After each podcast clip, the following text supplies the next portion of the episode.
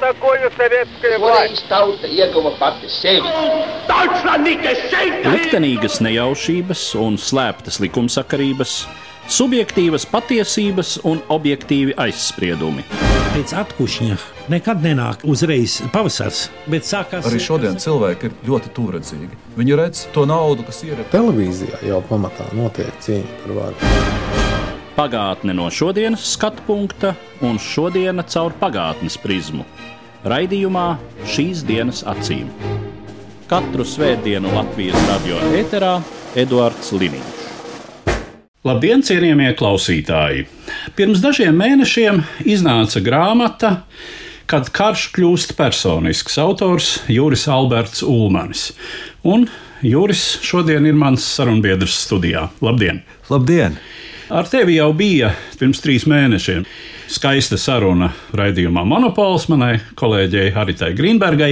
Tā ka šodien mēs mazāk runāsim par to personisko un vairāk par to karu, jo mans nolūks ir.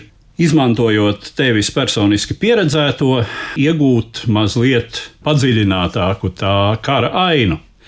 Bet nu, pirmais jautājums tomēr būs saistīts ar personisko, Tad, kad tu devies turp, tu esi cilvēks ar zināmu militāru sagatavotību, zemesargs, un eh, tev droši vien tobrīd jau bija priekšstats par to, kādām karām vajadzētu izskatīties. Tad, kad tu nonāci kara darbības tiešā tūmā, kas no tevis iepriekš pieņemtā izrādījās patiesi un kas ne? Man likās, ka karš būs tāds godīgs karš, vīrs pret vīru.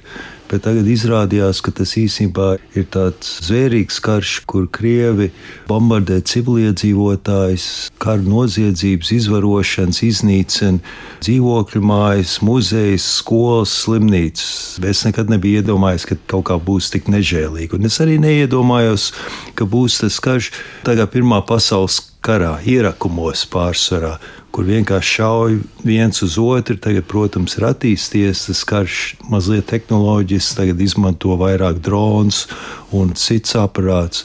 Bet sākumā es domāju, ka tas karš būs tāds ātrs karš un, un ātri beigsies, bet uh, izrādījās savādāk.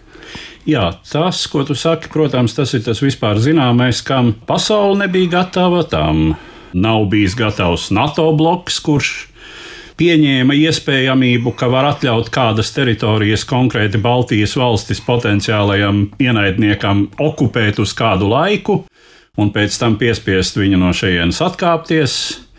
Neiedomājoties, kā atkāpjoties, var palikt masu kapi, izvarotas sievietes un bērni, nograuta jebkāda infrastruktūra un viss pārējais, ko mēs zinām no kara Ukrajinā. Nu, tāpēc arī tā ir tāda zināmā atmošanās visiem, kuri bija iedomājušies, ka mūsdienās karš būs džentlmeniskāks. Mm. Jā, un man liekas, agrāk tā bija. Es tā domāju. Varbūt par to nerunāju. Jā, nu jautājums, par kuriem kariem un kādām epizodēm ir runa. Kā zināms, 20. gadsimta karos, sevišķi jau, ja mēs runājam par Otro pasaules karu, tad tur visas šīs zvērības bija, protams, pilnā plaukumā. Un eh, ar tām Kā zināms, izcēlās ne tikai sacīt, tie, kuri sevi uzskata par 9. maija uzvaras mantiniekiem, proti, sarkanā armija. Tur darīja visi un daudzi un visādi. Šodien ir pieņemts, ka tā vairs nedara. Vismaz cenšas nedarīt. Amerikāņi Irākā nu, ir tur kaut kādas problēmas, apiešanās ar kara gūstekņiem vai NATO okupācijas spēku Afganistānā. Nav dzirdēts, ka viņi tur nodarbotos ar masu izvarošanām, piemēram. Bet eh, šī realitāte izrādījās citāda. Arī tas, ko tu saki par to ierakumu karu, joprojām tā tad arī mūsdienās izrādās, ka bedre zemē tā vulgāri sakot, ir nepieciešama kara sastāvdaļa un labākā iespēja saglabāt savu dzīvību. Jā, tāpēc arī ir svarīgi prast raktās bedres un raktos ierakums. Un, starp citu, viena tā epizode manā grāmatā ir par lāpstu, cik svarīga lāpsta. Un arī tas, kad iebraukā par Ukrajinu, īpaši austrumos, mēs redzam, ka ir traktori, kas roka ierakums, un arī tiek cementēts blokādes lai krievu tanki nevarētu virzīties uz priekšu. Tā kā jā, ierakumi ir ļoti svarīga lieta, kā arī tagad, ko es nebiju iedomājies, patvērtnes civiliedzīvotājiem, par ko mums noteikti Latvijā būtu daudz un tik jādomā. Tāpēc, kad eh, šajā pēdējā braucienā, kad es biju, es mazāk pavadīju laika karavīriem, bet vairāk ar civiliedzīvotājiem. Un tur man piedzīvojums bija prezentācijas patvērtnēs, bibliotekas patvērtnēs, skolas patvērtnēs un tam līdzīgi. Un tas, protams, liek man domāt, cik svarīgi ir tās patvērtnes. Ja mēs iedomājamies to, kāda bija tā sagatavotība, protams, Ukrainai bija šī konkrētajā situācijā priekšrocība. No vienas puses, protams, nelaime, tā agresija, kas ilgst jau no 2014. gada, bet no otras puses, Ukrainai salīdzinot ar 2014. gadu, jau bija daudz maz trenēta armija, ar kuru Krievija acīm redzami nebija rēķinājusies. Tas bija viens. Un otrs, ar ko arī nebija rēķinājušies, ka sagaidīs nevis ar ziediem, bet ar molotovu kokteļiem. Jā, sagaidīta ziediem. Mēs apciemojām tādu mazu pilsētiņu, ko sauc Gorodņa. Un Gorodņa ir tieši pie Krievijas-Baltkrievijas robežas. Un Gorodņa piedzīvoja 40 dienu okupāciju. Un kas notika? Tie krievi nāca iekšā, tur ir ļoti tāds kolorīts, enerģisks mērs. Viņš sagaidīja krievus, un tantiņš tur uz ceļiem bija. Un tie krievi domāja, ka viņi sagaida. viņus, bet izrādās, ka tās tantiņas teica, ka bērns ir ieradies apmēram šitā te. Un tas mērs teica, tā, pagaidi, jūs mūs okupējat. Kaut kā tā saruna gāja, bet viņš iztaisīja tā, ka tomēr tas Ukraiņas karoks paliks tur, racnamā. Un tā, viņš visu laiku piedod, kas lieto to vārdu čakarēja tos krievus. Tie krievi domāja, ka viņi sagaidīja, un tad viņi tur laikam saindēja viņus arī. Tās tantiņas tur devies un saindēja tos krievu karavīrus. Tā kā tas ir pa tiem ziediem un sagaidīšana. Viens piemērs mazs. Runājot par to kaujas darbību, protams, ik viens, kurš ir daudz maz interesējies par karošanu, saprot, ka karš tā gandrīz vai pirmkārt ir informācijas aprite. Tā ir izlūka informācija, kuru iegūst gan tieši frontes līnijā, gan iespējams aiz frontes līnijas. Nu, un tad ir šie skaistie un uh, beletristiskie stāsti par spiegiem ienaidnieku štābos, kas ir uh, vairāk jau gan literatūras, mm. nereālā kara, lai gan nu, tāda stāsta, protams, arī ir. Mm. Tad ir šīs informācijas nonākšana līdz. Mm štābam, kur tas tiek analizēts, tiek mm. izstrādāts attiecīgi vai koriģēts iepriekšējais plāns, un tad kā tas nonāk atpakaļ pie vienībām un kā tas tiek izpildīts. Nu, klausoties šo, ikvienam ir jāsaprot, ka nu, tur vajag zinām kvalifikāciju. Jā. Lai tas viss noritētu optimāli. Pirms simts gadiem ļoti daudz ko vēl darīja vienkārši nosūtot raitnieku ar aploksni. Labākajā gadījumā bija telefons un tas vēl arī pirms 70 gadiem. Bija telefons ar vadiem, un, un vadus varēja artērijas apšaudē saraut, un tad bija sakarniekam jālien uz vēdera un jāskatās, kur tie vadi ir pārrauti. Jau Pirmā pasaules karā tehniski attīstītākās armijās parādījās radiosakari, mm. rācijas. Kā tas notiek šodien? Tas notiek gan primitīvi, gan arī, kā mēs visi zinām, tiek droni izmantot. Katrā vienībā ir vismaz divi karavīri, kas operē droniem, Ukrāņi tīpaši ļoti attīstījuši to dronu izmantošanu, īpaši izlūkošanai līdz mākslai, es teiktu tā. Arī ir tie saucamie spiegi un ziņotāji.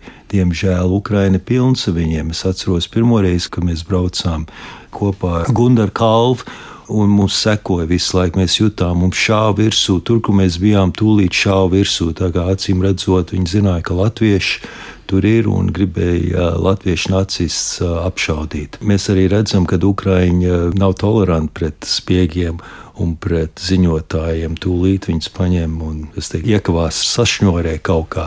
Bet uh, Ukraina ir, ir pilns ar ziņotājiem pat augstākos līmeņos, diemžēl, un visāds baumas arī pa valdības cilvēkiem, kas varētu būt krievu ziņotāji.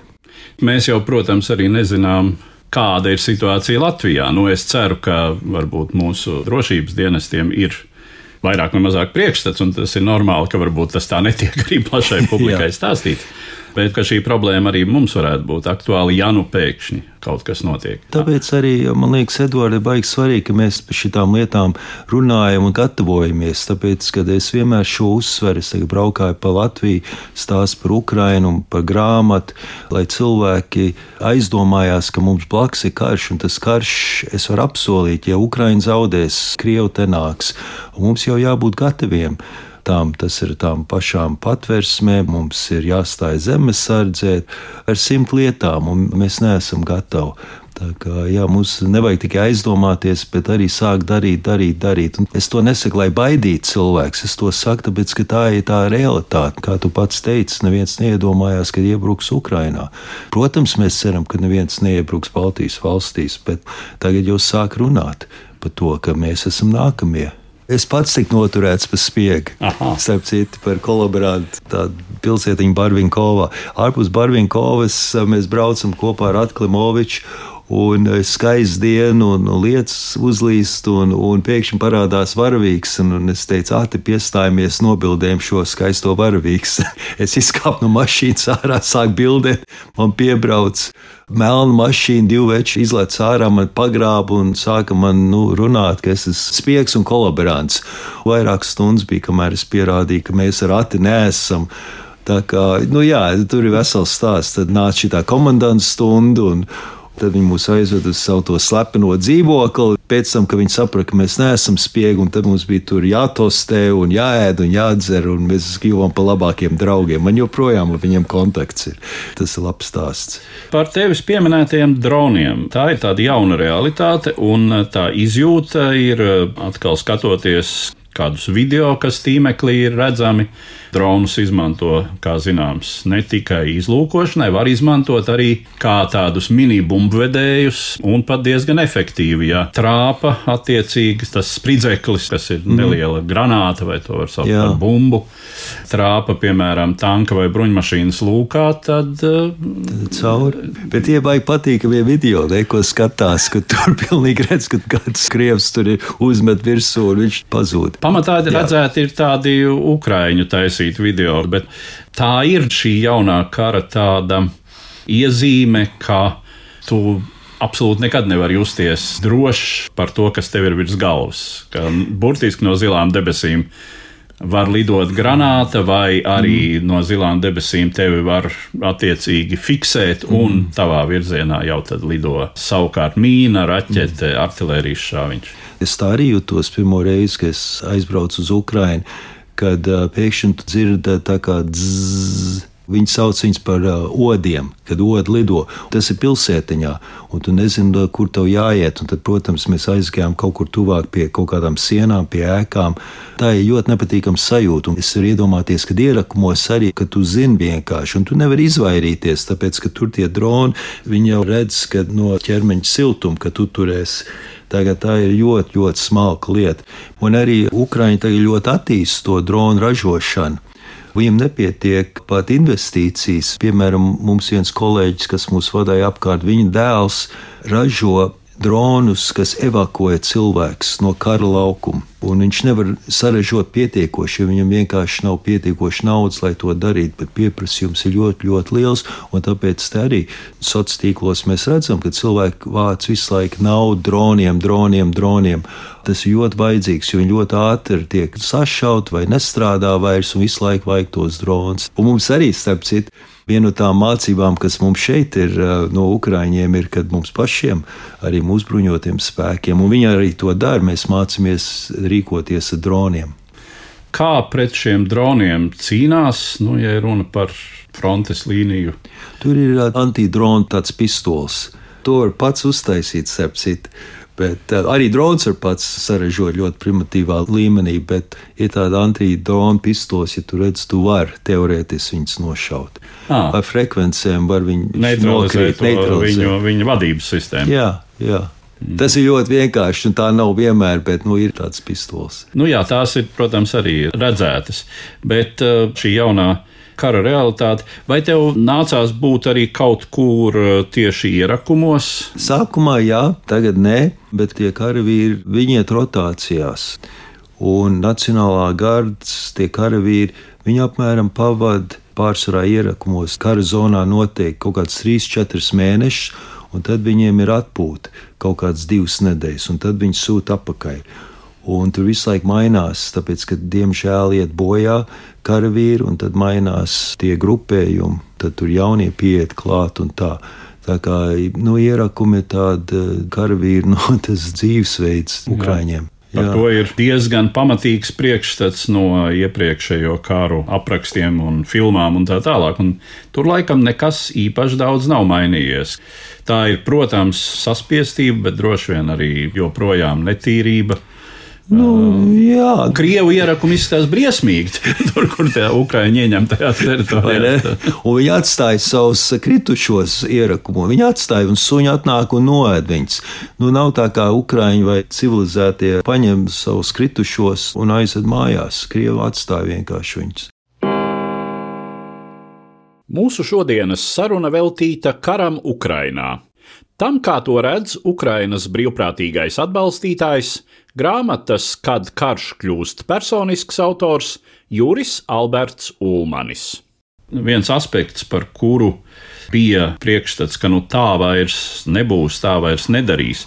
Tas, ko savā laikā man ir eh, jau pirms daudziem gadiem stāstījis viens latviešu leģionārs bijušais, kā tie ko tagad mm. sauc par gaļas uzbrukumu. Šie uzbrukumi, mm. kad nu, nāk milzīga masa, un toreiz viņš saka, un viņi nāk un nāk, mm. un mēs viņus šaujam un šaujam. Un mums mm. ir tas kauzāģis, tas taču pļauj tiešām tā, ka viņi gulstās zemē, mm. tā kā vārpas zem izkapts. Bet nāk mm. vēl un vēl, un tu mm. nevari saprast, vai tiešām tas nekad nebeigsies. Jā. Cik es saprotu, Ukraiņas armijai kaut kāda nu, pusmiljona karavīru apmēram. Un krieviem ir, es nezinu, cik tur 4, 5, 6 reizes vairāk potenciāli. Un man tāds sajūta ir, ka tas cilvēks ir mazāk svarīgs nekā, teiksim, kaut kā raķeķi šaut virsū. Ir labāk cilvēku sūtīt virsū uzbrukumā nekā šaut raķeķu. Tā raķeķa nu, maksā kaut kādu naudu, cilvēkam nav nekāda vērtība. Un mēs to redzam, ko Krievs dara. Krievs tur sūta visādi cietumnieks, izvarotājs, minoritātes, mazākuma tautības, šādu veidu cilvēkus. Tāpēc, ka viņiem vienalga, viņiem vienalga. Par to jau arī runā, ka Jā. Krievi utilizē savas sabiedrības viņu uzskatām mazvērtīgāko materiālu, par kādu viņi uzskata arī etniskās Mhm. minoritātes. Tāpēc te kritizē, un es nedomāju, ka pamatot Ukraiņu, ka tas saucamais pavasara pretuzbrukums neiet tik ātri, cik viņam vajadzētu būt. Bet iemesls ir ļoti vienkāršs. Tāpēc, ka Ukraiņa saudzē savus karavīrus, un viņi redz, kad uh, bija tāda pauze, un viss karalauks ir samīnēts. Un viņiem nav gaisa supports Ukrāņiem, un nevar tā vienkārši iet bliest uz priekšu. Tā kā viņi iet pa metriem, pilnīgi, bet viņi iet, Ukrāņi iet uz priekšu. Arī ar zaudējumiem, bet tie būtu daudz vairāk, ja iet tā kā bliest, tā kā Krievs to dara. Ja es tev jautātu par tādu ukrāņu vidusmēra karavīru, ja mēs par tādu varam runāt, vecums, pieredze, kas ir tie vīri, kas pamatā ir frontē? Es strādāju divām rotām vai divām vienībām. Viens ir teritoriālā aizsardzības vienība, un otra ir Nacionālā gardas vienība. Tajā teritoriālā aizsardzībā tur ir profesionāli karavīri. Tur tas vecums, nu, tagad minu, no 25 līdz 35 apmēram. Nacionālā gardē ir savādāk, tāpēc, ka tur ir brīvprātīgie daudz. Nu, tur ir vecāki cilvēki. Piemēram, mums viens tāds labs draugs, tāds Saša, viņš ir muzeja direktors, bijušais, viņam ir apmēram 50 gadi. Un uh, baigi interesanti, ka ja pirms otra gada viņš tur vadīja to muzeju 24 stundu laikā. Nu, tagad, kad tu viņu satiec, viņš steigā apkārt pīpē. Un pilnīgi cits, protams, viņš jau tur raksta dzēju un tā, bet var redzēt viņa seju un viņa tās kustības, un viss ir norūdīti karavīri, tāda uzvedība un kustības. Un tā valoda arī tāda ir palikusi mazliet tāda sulīgāka, kā saka. Un kas arī man liekas raksturīgi, un kas ir labi, Ukrāņi, viņiem tās rotācijas ir, bet tad viņiem arī ir apmācības. Cik es saprotu, Krieviem ir tā, ka vienkārši tur sūta iekšā bez kaut kādām apmācībām. Ukrāņi saudzējo karavīru dzīvības, viņiem tomēr ir visu laiku tās apmācības. Pat kara zonā, kad nāk jauni biedri klāt, tad viņi tur iziet cauri nedēļu, divas nedēļas, kā tur katrs tajos ierakumos, kas viņam jādara un kādai uzvedībai jābūt. Tas ir tā kā rietums standarts. Šī, ko arī pagājušā gadsimta karos sauca par um, zudušās paudzes problēmu. Nu, tātad mm. cilvēki, kas ir bijuši sevišķi šais lielajos karos, ir tik tālu morāli traumēti. Mm ka viņi īsti vairs netiek atpakaļ mierlaika dzīvē, nevar tajā vairs normāli funkcionēt. Tāda problēma, nu pat arī kaut kur es lasīju, ka tā Ukrainā arī diemžēl parādās, ka šie mm. cilvēki, kas atgriežas, nu, ja viņi ir guvuši kādu ievainojumu, mm frontē, viņi atgriežas kā veterāni savās dzīvesvietās, tad viņu vidū ir problēmas gan ar alkoholu, gan ar vardarbību ģimenē. Tajā pašā laikā viņi tiek uzlūkoti kā kara varoņi, un līdz ar to mm. pret viņiem varbūt arī ir eh, šais gadījumos iecietīgāka attieksme. Mm. Tā. tā ka, protams, tas kara psiholoģiskais spiediens nav Ukrāņi ar no dzelzs. Viņi apzinās šo problēmu. Un es pat atceros, pirmo reizi šo es biju dzirdējis, es nekad nebiju aizdomājies, tāpēc, ka karš ir tik ilgi tagad gājis. Kad viņi gatavojās uz to, viņi nevalstiskās organizācijas un ministrijas, viņi saprot, tur būs miljoniem ne tikai karavīri, bet pat tauta, kas būs psiholoģiski traumēta bet viņi apzinās šo lielo problēmu. Viņi arī apzinās eh, vēl citas problēmas, par ko es nebiju iedomājies. Viņi apzinās gan psiholoģisko, gan vidēji dabai, kas tik nopostīts, ka tur būs problēmas.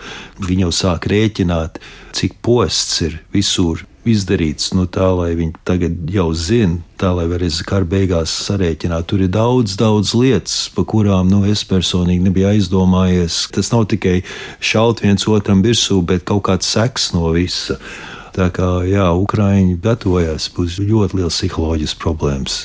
Šai kara situācijā tas ir uh, saprotami un loģiski, ka to pretējo pusi dēvē par orkiem, jo nu, viņi līdzīgi arī faktiski uzvedas. Bet kā tev šķiet šī absolūti dehumanizējošā attieksme pret pretējo pusi? Kādas sekas tai varētu būt? Nebūs tā, ka teiksim, jebkurš krievs Ukraiņiem šķitīs neatkarīgi no vecuma, dzimuma un vispārējā, kā teiksim, necilvēks Es domāju, jā, ka tā būs, bet eh, piedod pašu vainīgu. Un, un mēs neredzam, ka tur Krievijā kaut kādas baigās kustības ir, eh, lai apstādinātu kāru. Ok, es saprotu, pretarguments ir jā, cilvēki tur nozombēt, viņiem nav iespējas tur pretoties un tā. Bet uh, es tagad pirms dažām dienām lasīju New York Times rakstu, uh, kur tie protesti, ko mācis vairāk uztraucās, ir, ka nav pietiekoši rotācijas tiem krievu karavīriem, kad uh, viņi nepretojās pret to karu.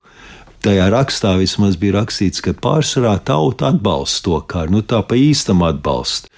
Tā kā bišķītiņi var saprast to Ukraiņu, un es domāju, ne tikai Ukraiņu, pārējā pasaule arī. Es varu pateikt, ka es kāpu kalnā Nepālā, Everestā, Tur pret krieviem arī neizturējās, pret tiem turistiem, kas tur bija. Arī dzirdēja tādu lamāšanās no rietumu cilvēkiem. Tā kā, manuprāt, Krievi uz vairākām paudzēm ir sabojājuši savu reputāciju. Tāpat kā tas bija ar vāciešiem pēc otrā pasaules kara. Arī jau bija jāpaiet laikam un jānotiek zināmiem vainas izpirkšanas pasākumiem. Jā, bet man tāds sajūta, ka eh, Krievi netaisīs nekādas vainas izpirkšanas pasākums. Man nu, tāds sajūta. Nē. Jā. Tas, kas, protams, man rada bāžas, lai šī etniskā piederība nekļūst par iemeslu kaut kādai agresijai. Mm. Cilvēki, kas nav Krievijas pilsoņi, bet ir etniskie krievi, piemēram, Latvijā, mm. kuri tad, tad ir dzimuši mm. šeit Latvijā, uzauguši šeit Latvijā, ir Latvijas pilsoņi kopš dzimšanas. No viņiem jau nu gan nav iemesla piedzīt mm. kaut kādu atbildību par to, ko dara viņu radi. Tautieši, jā. jā. Nu, es neredzu, ka viņi protestē pie Krievijas vēstniecības. Es nedomāju, ka kādam Latvijas pilsonim, Krievam, būtu vairāk pienākumu iet protestēt nekā Latvietim. Tās atbildības pieprasīšana pēc etniskās piedarības, tad mums jājautā, kāpēc Hosams Abu Merī, būdams arābs, īpaši neizrāda savu attieksmi pret eh, Hamas darbībām. Nu, man liekas, viņš ir izteicies. Un, protams, pret. netrūkst arī Latvijas krievu, kas Jā. ir izteikušies. Bet vai nu no ikviena vajadzētu pieprasīt? Manuprāt, nē. Ja viņam ir Latvijas pilsoņa pasa kabatā, tad neatkarīgi no tā, kādas tautības, nu viņš ir mūsējais. Nu, jā, cerams, jā. jā. cerams, ka viņš nav nu, respektīvi- kolona. Cerams. Šis avans mums viņam ir jādod, kamēr viņš, protams, Viņam nav pierādījis ko citu. jā. Tieši tā, es piekrītu. Pilsonība tā ir pavisam cita lieta. Ja tu esi Krievijas pilsonis, tu esi mm. līdzatbildīgs, mm. neapšaubām. Arī, teiksim, tā sauktie labie krievi, arī, ja tu esi emigrējis, arī, ja tu dzīvo Eiropā, nu, zināmas nērtības tev ir jāpieņem. Mēs jau runājām, ir konkrētas lietas, kuras Latvijai ir jāņem vērā un kuras tā ņem vērā, vairāk vai mazāk.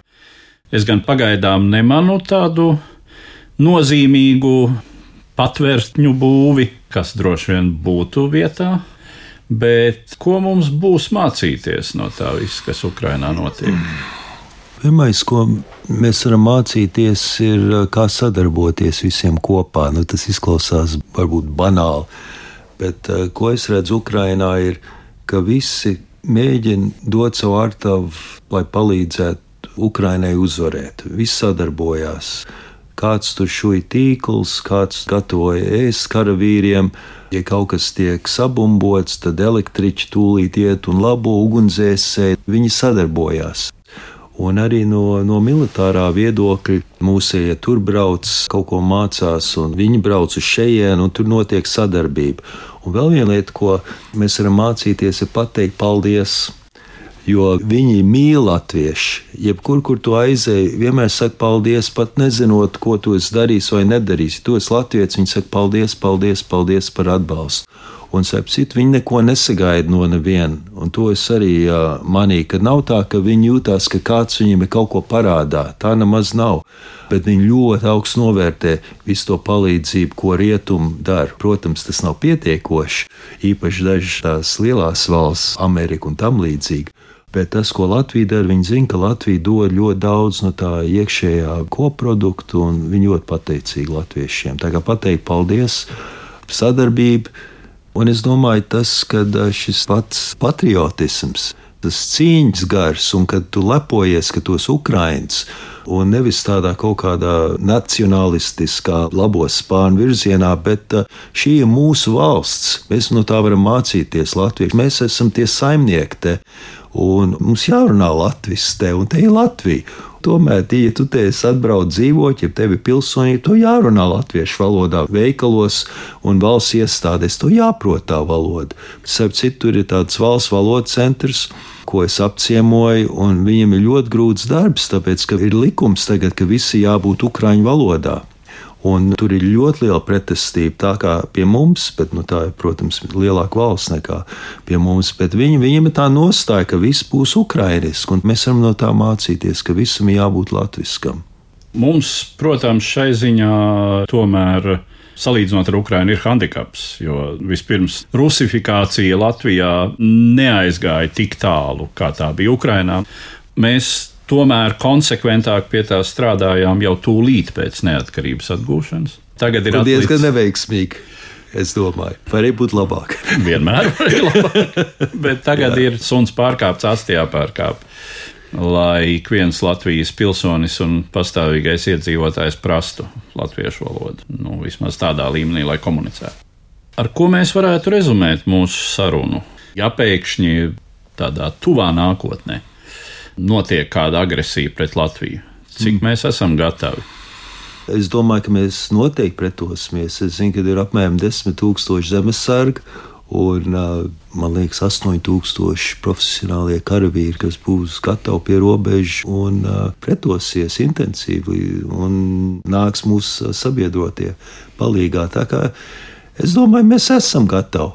Tā kā Ukraina arī kaut kāds karš tad būs. Un, Nu, to pretgaisa aizsardzību vajag. To mums vajag. Ukrāņiem arī vajag. Starp citu, viena interesanta lieta ir, ka ļoti daudz brauc uz Kievu. No ārpuses, tāpēc, ka tur tā pretgaisa aizsardzība. Te pašā Harkivā nav, Odessā nav tik laba pretgaisa aizsardzība. Un Kievā ļoti daudz cilvēku tagad ir tieši tā iemesla dēļ. Tad tu kā zemesargs saki, ka Es saku, ka viss būs labi, ka mēs aizstāvēsim mūsu valsts. Tas būs mūsu gods un pienākums. un Dievs dod, lai mums tas nav jāapliecina praksē. Ar to tad es arī noslēdzu mūsu sarunu un saku paldies manam sarunbiedram, zemesargam, alpīnistam, Ukrainas brīvprātīgajam atbalstītājam Jurim Albertam Ulmanim. Katru svētdienu Latvijas radio viens par pagātni sarunājas Eduards Līniju.